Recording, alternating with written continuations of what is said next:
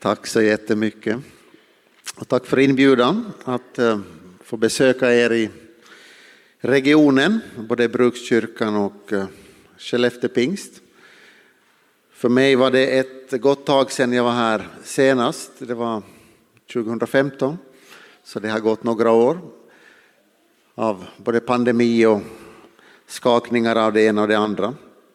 Men eh, det är roligt, vi har så mycket gemensamt tycker jag från eh, både Västerbotten och Österbotten. Jag är ju placerad i Jakobstad på andra sidan Bottenviken och det är inte speciellt långt dit. Kulturellt sett så är vi väldigt nära. Man, man känner, det är samma kultur i församlingarna som vi har i Svenskfinland. Det är mycket som är sig likt. Och vi har 26 olika svensktalande pingstförsamlingar i Svenskfinland. Finland. Eh, det är inte alla som vet om det, men det finns en liten svenskspråkig pingströrelse där som har ja, drygt 2100 medlemmar tillsammans. Och vi är ju också en del av Pingstpastor och det nätverk som ni utgör här i, i Sverige. Men vi har också en del kontakt i den finska pingströrelsen nationellt sett.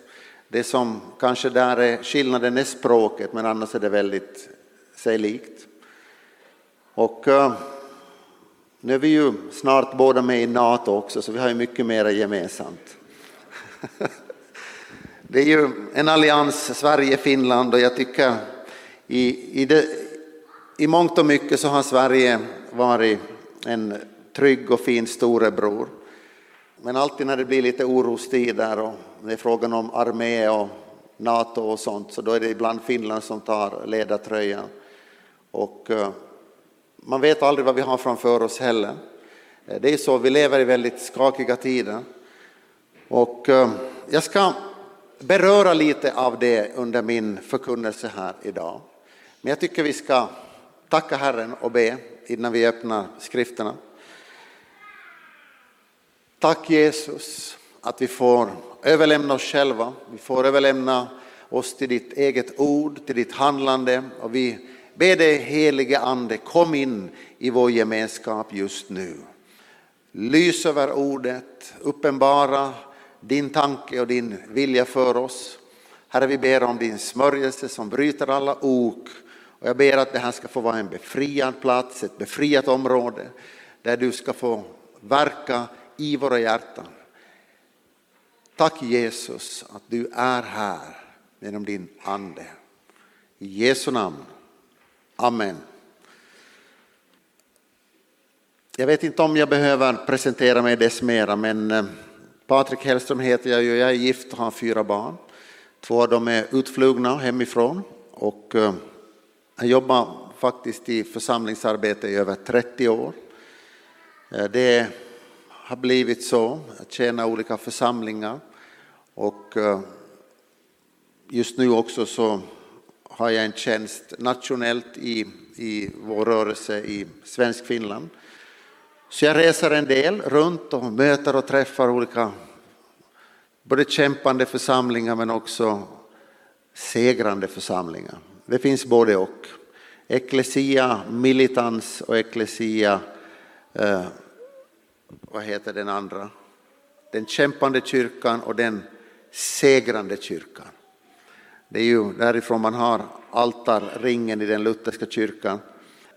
Det som är synligt, det är den eh, kämpande kyrkan.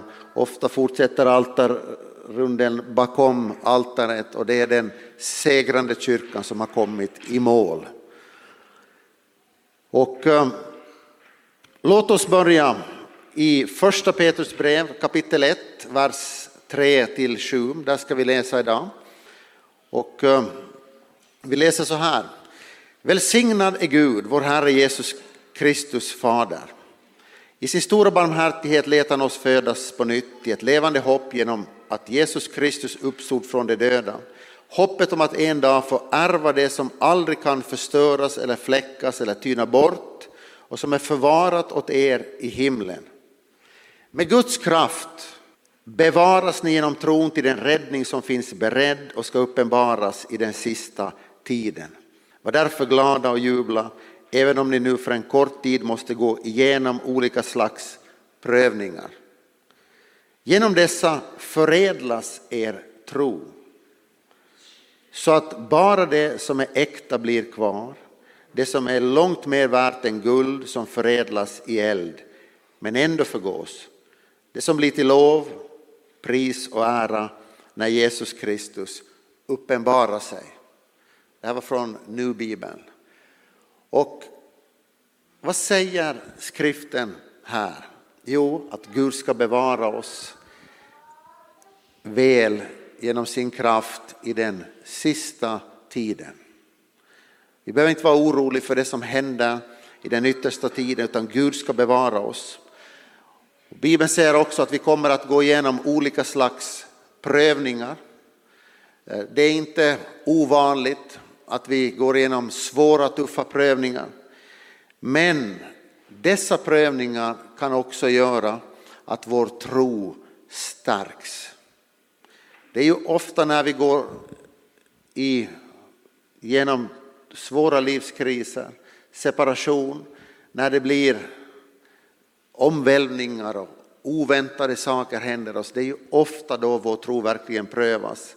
Det är också då många kommer till tro.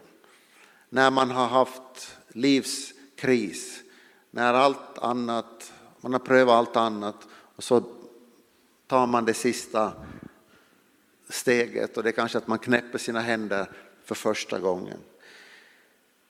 Äktheten i vår tro, säger skriften här, är mera värt än guld.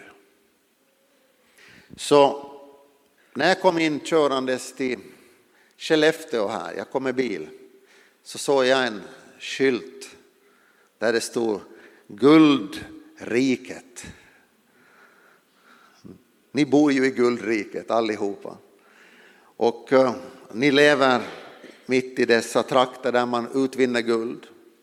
Men här säger skriften att det finns någonting mera värdefullt i Skellefteå än de guldtackor som görs här i staden.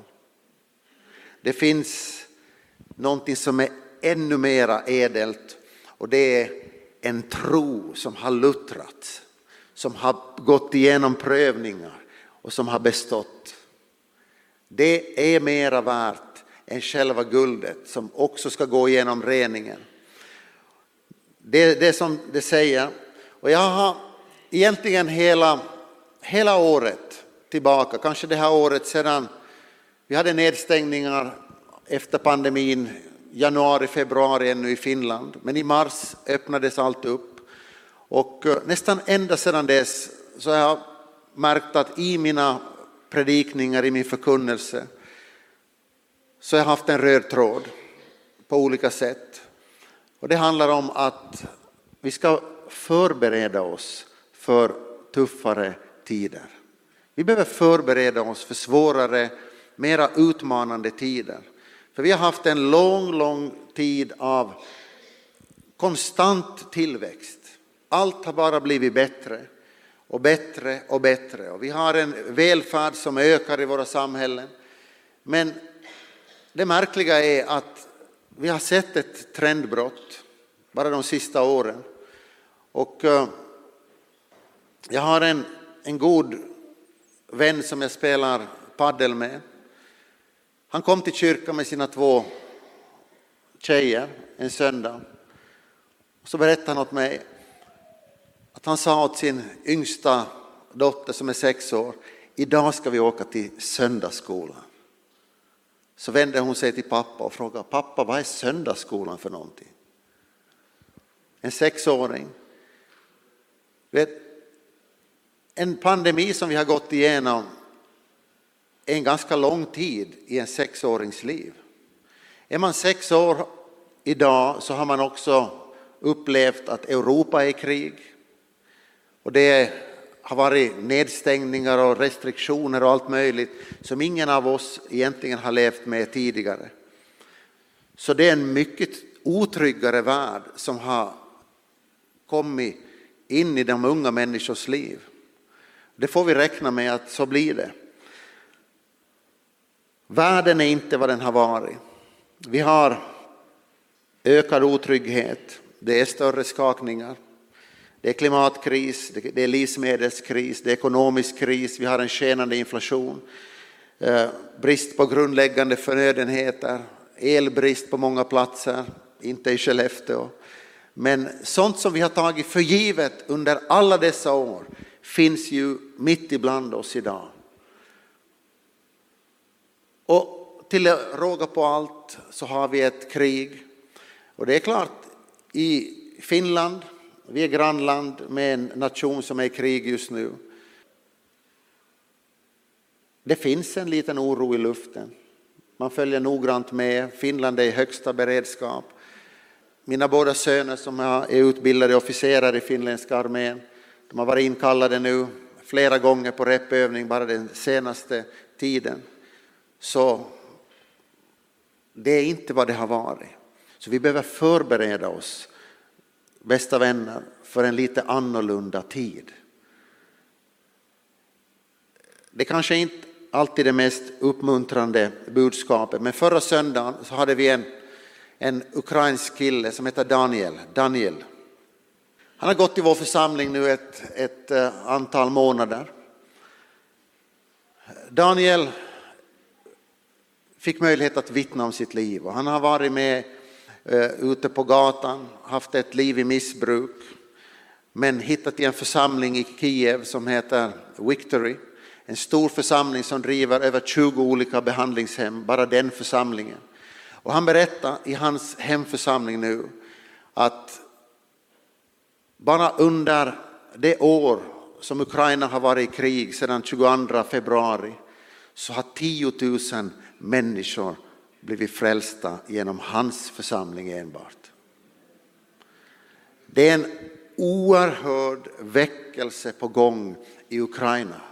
En, kyrkorna är fulla och jag satt och lyssnade på ukrainska pingstunionens ledare i Stockholm på ett stort pingstmöte för någon vecka sedan. Han sa att eh, pingstkyrkorna i Ukraina de är ungefär 1800 stycken. Eh, det finns en stor pingströrelse. De betjänar 100 000 människor varje dag med mat. Ett oerhört socialt arbete. Alla pingstkyrkor är fulla med madrasser, folk som sover på dagarna och nätterna och finns och lever och bor där, interna flyktingar inom landet. Och är det inte så att nödtider ofta blir också väckelsetider? Lite tuffare tider skakar om oss och, och sätter vår tillvaro i gungning. En pandemi, det gjorde inte jättestor skillnad. Det största man var orolig över i våra länder var att man inte kom sig iväg till södern. Men ett krig i Ukraina, när bomber och granater och missiler faller och folk flyr undan allt de äger och har, då börjar folk ropa till Gud. Så var det i Finland också under andra världskriget. Kyrkorna var fulla med bedjande människor. Det vittnar alla våra gamla predikanter om att, att 1940 plus fram till 1945, då var det väckelse i Finland. Det var då man ropade till Gud och man hade nöd på sina hjärtan. Och jag tror att Guds församling och vår tro är ju gjorda för motvind. Vi är ju en rörelse som får uppåtvindar när det verkligen är i motgång. Och när det är tufft och när det kräver lite mera, det är då vi vecklar ut våra vingar och så lyfter vi i motvind. Och Bibeln säger så här i första Petrus 2. Låt mig läsa ett annat sammanhang från Petrus brev. Lägg därför bort all ondska, falskhet, hyckleri, avund och förtal. Det är raka rör. Längta som nyfödda barn efter den rena andliga mjölken. Så att ni genom den växer upp till frälsning när ni nu har smakat att Herren är god. Kom till honom, den levande stenen, förkastad av människor, men utvald och dyrbar för Gud. Lyssna här. Och låt er som levande stenar byggas upp till ett andligt hus, ett heligt prästerskap som ska bära fram andliga offer som Gud tar emot med glädje genom Christ, Jesus Kristus. Det står ju i skriften, så jag lägger i Sion en utvald och dyrbar hörnsten. Och den som tror på den ska aldrig komma på skam. För den som tror är den alltså dyrbar. Men för dem som inte tror har stenen som husbyggarna förkastade blivit en hörnsten. En stötesten och en klippa till fall. De stöter emot den därför att det inte lyder ordet. Så var det också bestämt om dem. Vad säger skriften här? Lägg bort avund, förtal, oförsonlighet, hyckleri, allt dubbelt. Lägg det åt sidan. Det är ingen idé att gå och bära på gamla oförrätter i den här viktiga tiden när Gud vill röra vid sin församling. Det är ingen idé att gå med en extra tyngd på sina axlar av avundsjuka, missundsamhet när livet är tufft från förr.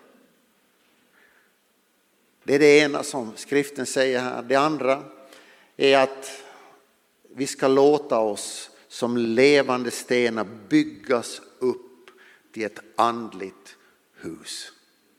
Vet, våra kyrkor är inga föreningar i första hand. Våra församlingar det är ingen klubb för inbördes beundran utan det är Herrens levande andliga byggnad i ord, på den ort vi tjänar. Vi är levande stenar. Ni ska som ett heligt prästerskap frambära andliga offer. Sen talas det om hörnstenen som är helt avgörande som också kan bli en stötesten. Kristus. Och jag, jag vill säga till er, ni är representerade här från hela regionen. Roland tog mig via Northvolt nya fabrik här i morse. Vi körde där förbi och jag ser vad som händer i hela regionen. Där var stora, stora stenhögar som påminner om att här hade sprängts och röjts och här tror man på framtiden. Stora byggnader som reser sig. Tusentals människor som ska flytta in till regionen. Och det var fantastiskt att se. Men det är inte bara hus, lägenheter och fabriker som Gud vill bygga i Skellefteå. Jag upplever att den heliga ande säger Guds församling behöver också byggas. Det behöver också finnas ett andligt hus i Skellefteåregionen. i hela nejden för alla dessa människor som flyttar in till staden, för alla som söker ett andligt hem, som längtar efter gemenskap. Så visst är det viktigt att vi också frambär oss själva i den här tiden så att vi förenas och blir ett andligt hus. Och det är det som är den stora frågan. Kan en sten bli levande? Det är ju bara död materia. Men skriften säger så här. Vi var döda genom våra överträdelser och vår oomskurna natur. Men också oss har han gjort levande i Kristus. Medan vi ännu var döda genom våra synder gjorde han oss levande med Kristus av nåd är ni frälsta. Så säger Paulus i Efesierbrevet 2. Stenar kan få liv. Till och med ett stenhjärta kan få beröras av Gud. Vet, jag hade ett stenhjärta innan jag blev frälst. Jag var en ganska hård tonåring. Som hade, man kan säga att jag hade attitydproblem, både i skolan och hemma mot mina föräldrar. Och när jag hade kommit till tro så tog det några månader. Jag hade en mycket god tradition den tiden. Jag satt och läste Bibeln efter skolan varje dag. Och det jag satt i mitt rum så började den helige Ande tala till mig om försoning med min mamma. Jag hade behandlat henne ganska kallt och kyligt. Och jag satt ensam och då började den helige Ande knacka på min, mitt hjärta. Du ska gå och be din mamma om förlåtelse för din, dina attityder. Vet, fast det var min egen mor. Visst var tröskeln oerhört hög. Den sträckan från köket där min mamma var, från mitt rum, det var en mycket lång väg. Det kändes som mitt Via Dolorosa. Jag gick till korset, till min egen avrättning. Men jag sa åt mamma, mamma förlåt mig att jag varit så hård och kall. Och jag tror att det som hände under de här stunderna med, framför skriften var det att Herren började verka i mitt hjärta och isen började smälta successivt. För när Guds ord kommer så krossar den klippor. Det är det ordet gör. Ordet krossar klippor och det smälter det frusna. Så våra hjärtan blir mer och mer levande, mjuka, tillgängliga. I andra Korinthierbrevet 3 så skriver Paulus så här i vers 6. Han har gett oss förmåga att vara tjänare åt ett nytt förbund som inte är bokstavens utan andens. Bokstaven dödar men anden ger liv. Bokstäver kan döda, ord kan döda. Och det är så många människor som har vittnat om det, att de fortfarande kan höra någon gammal, gammal lärares ord i sitt huvud som har sagt att det blir ingenting av dig. Någon slöjdlärare som kastade iväg grejen och sa att du blir nog aldrig någon snickare eller någonting. Sådana här ord som stinger som svärd i, i djupet av ett barns hjärta och formar identitet. Och jag hörde om en kirurg som, eh, som var en duktig simmare i ungdomsåren. Och eh, när han tränade simning så hade han en tränare som stod och, och ropade åt honom. John, du klarar det. John, kom igen, du klarar det. Och han bara peppade honom då han simmade av och an där i bassängen. Och han sa, många år efteråt då han stod sen och blev en mycket känd hjärnkirurg så hörde han fortfarande sin gamla tränares röst. John, du klarar det. John, du klarar det. De orden förföljde honom, berättar han i boken, när han stod där och gjorde de här komplicerade operationerna i, i folks hjärnor. Så det är viktigt vad vi säger åt våra barn. Det är viktigt vad vi talar ut över varandras liv, vad vi predikar i församlingen. För det vi predikar är det vi får. Det vi talar ut är det som börjar skapas i atmosfären. Går vi och klagar på allting så kommer vi att förpesta miljön omkring oss. Men går vi och uppmuntrar varandra, talar tro och framtid, oavsett hur tufft det än är, så kommer folk att få tro och hopp. Och det är så, så viktigt. Jag tror att vilken sten som helst kan få bli helt och hållet levande. Vi är inte bara brickor som sätts till varandra utan det är någonting med det här i Guds församling. Att den helige ande för oss samman som levande stenar.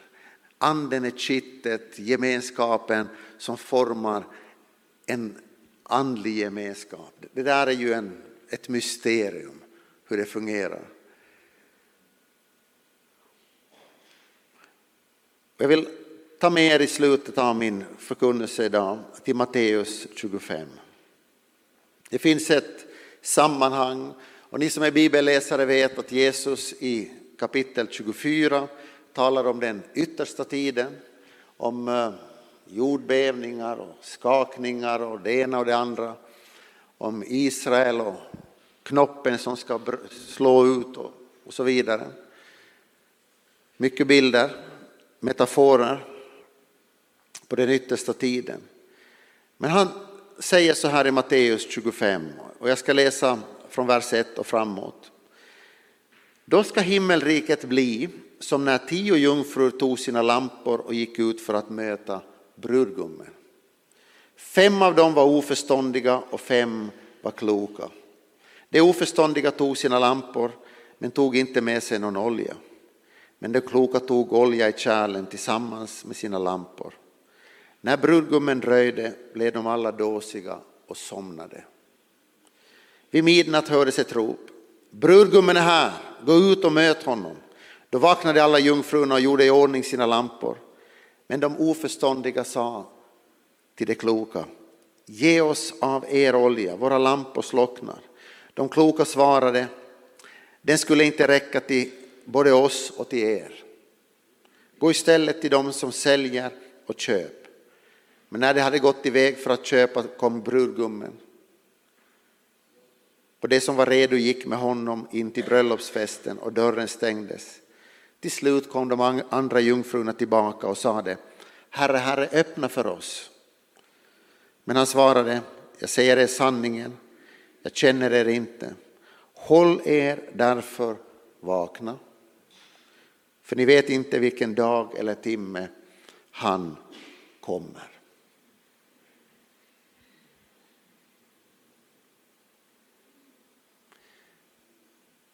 Det finns ett allvar i en bibeltext som den här. Ett allvar som delar upp folk i två olika läger. De oförståndiga och de förståndiga. Och det är uppenbart att man kan hamna i någondera kategorin. En del kommer att ha olja i den yttersta tiden, en del inte. Och det tycker jag kanske är det allvarliga i hela sammanhanget. Att eh, man kan faktiskt vara kristen, ha en bekännelse, man kan vara med i en församling, man kan ha ett vittnesbörd om sig. Men ändå så finns inte andens liv i de här stenarna, i kärlen. Och det här är viktigt, att vi har ett levande, en levande relation med Jesus. Att vi är öppna för den helige Ande. Där som Israels folk som såg molnstoden om dagen och eldstoden om natten. Fortfarande vill Gud leda sin församling på det sättet. Han vill att vi ska ha öron som hör vad anden säger till församlingen. Han vill att vi ska vara lyhörda i våra hjärtan för, för den himmelska tonen. För när allt kommer till allt så kommer någon gång säcken att knytas ihop. Jag har ingen aning när det är, det kan vara om flera hundra år, det kan vara om några år. Men vi behöver vara beredda på lite tuffare tider. Vi behöver ha ett andligt liv inom oss som håller för prövningar. Som håller för att när det blir tufft. Och jag vet att i Sverige så har flera människor lämnat borta från församlingarna efter pandemin. Men kanske det är just det som händer. Det blir ett urskiljande mellan de som bara har kristna tron som en hobby och de som verkligen har mött Jesus. Som lever med den helige andes röst i sina liv. För vi kommer alla att gå igenom prövningar.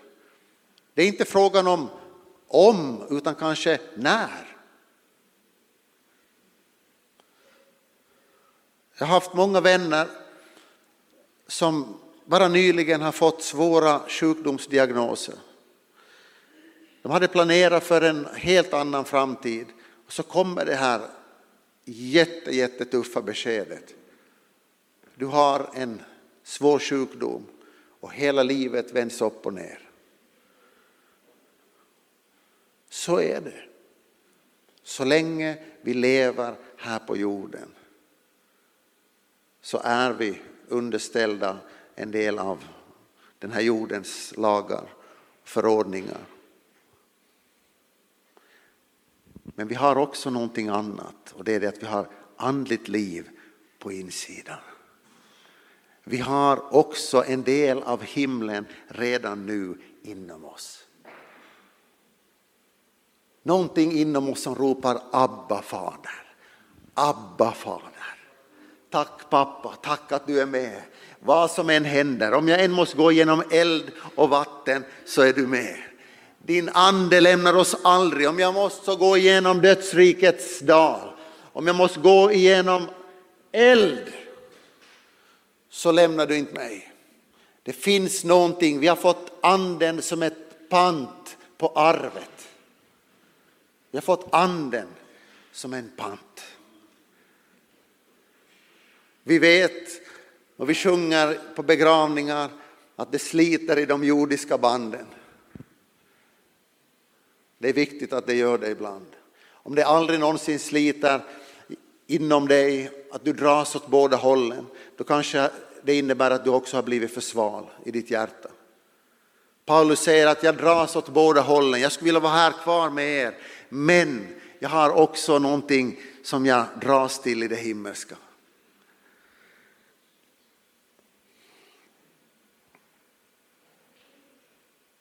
Det, fanns, det finns en berättelse om en österrikisk stins.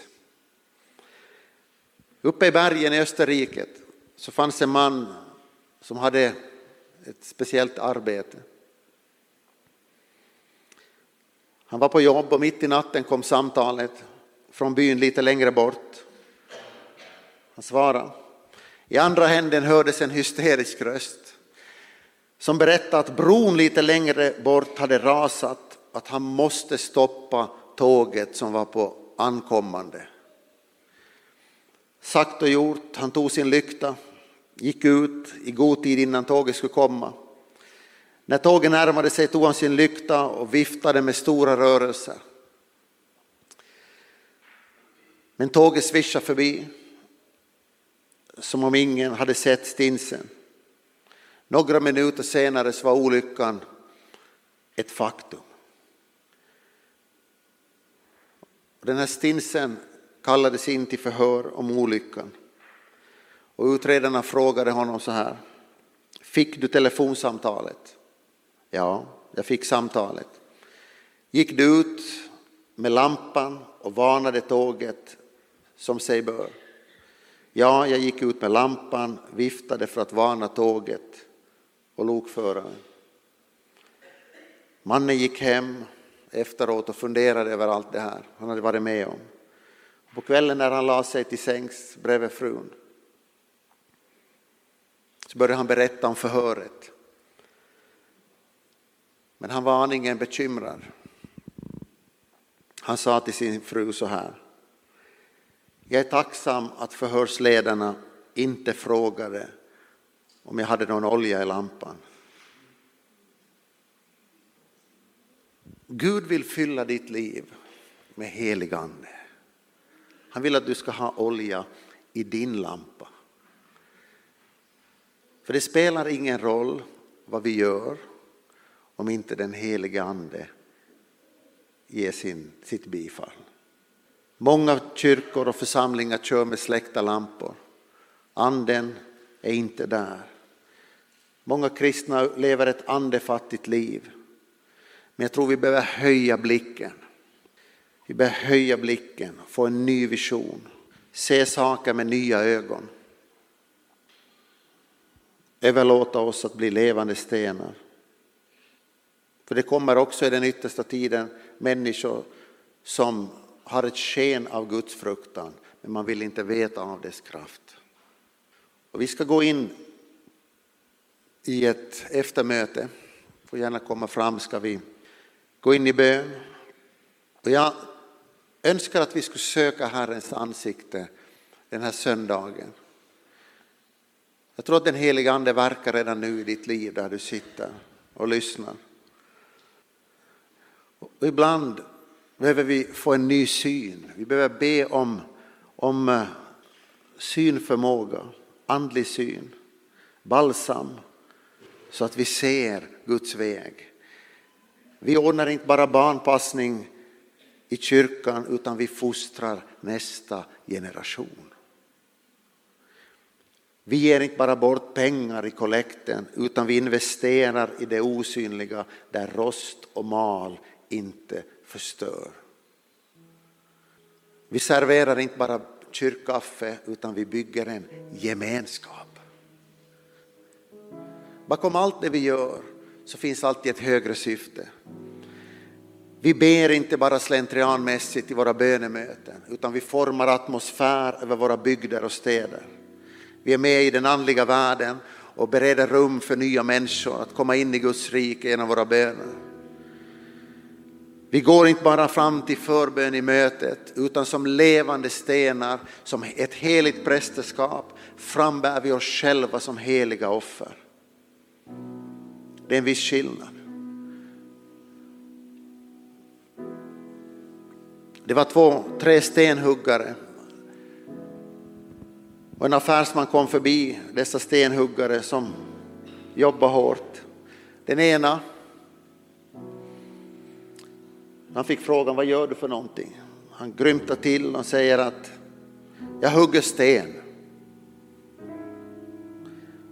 Så gick affärsmannen vidare och han tänkte han ville inte reta upp den här mannen desto mera för han var sammanbiten. Han gick fram till den andra han såg varken sur eller glad ut, men han frågade vad gör du? Stenhuggaren tittar upp och säger att han försörjer sin familj. Men han har inte tid att stå och småprata. Affärsmannen nickade och gick vidare. Efter en stund så kommer han fram till den tredje mannen som också står och hugger i sten. Men han hade ett leende på sina läppar och strålade av glädje medan han högg. Affärsmannen blev nyfiken. Varför är du så glad? Vad gör du för någonting? frågade han. Stenhuggaren tittade på honom och så la han ner släggan, torkade bort svetten i pannan. Så säger han med ett leende, jag bygger en katedral. Jag bygger en katedral. Så här är det. Tappar vi vår vision Tappar vi vårt seende, vårt andliga seende, så hugger vi ofta bara sten. Men vi är levande stenar. Vi har vision, vi har drömmar. Vi är viktiga var och en. Levande stenar bygger Guds rike på en ort. Ska vi kanske resa oss, ni som orkar och vill så ska vi gå in i förbön och bön. Halleluja. Jag tror att den heliga Ande vill smälta hjärtan här idag. Någon annan behöver kanske lämna någonting vid korset, bördor som du burit på. Synder du kämpat med, tunga laster som plågat dig. Kanske någon vill komma fram idag till Guds altare och säga fyll mina krukor. Jag känner mig tom. Jag behöver en beröring av dig, helige Ande. Jesus, rör vid mitt liv. Medan vi sjunger någon enkel kör här så ska vi bereda utrymme här framme för förbön och avskilja det här eftermötet till en plats av Guds möten, närvaro. Ber att Guds heliga ande ska röra sig i hela salen. Kom Fader, genom din ljuvliga närvaro in i detta rum. Herre, bryt tunga ok i Jesu namn. Herre, gör våra hjärtan förkrossade Helige Ande. Ingen är som du. Ingen vet vad vi har i oss, bara du. Blås liv i gåvor här idag. Förlös Jesus Kristus, din smörjelse.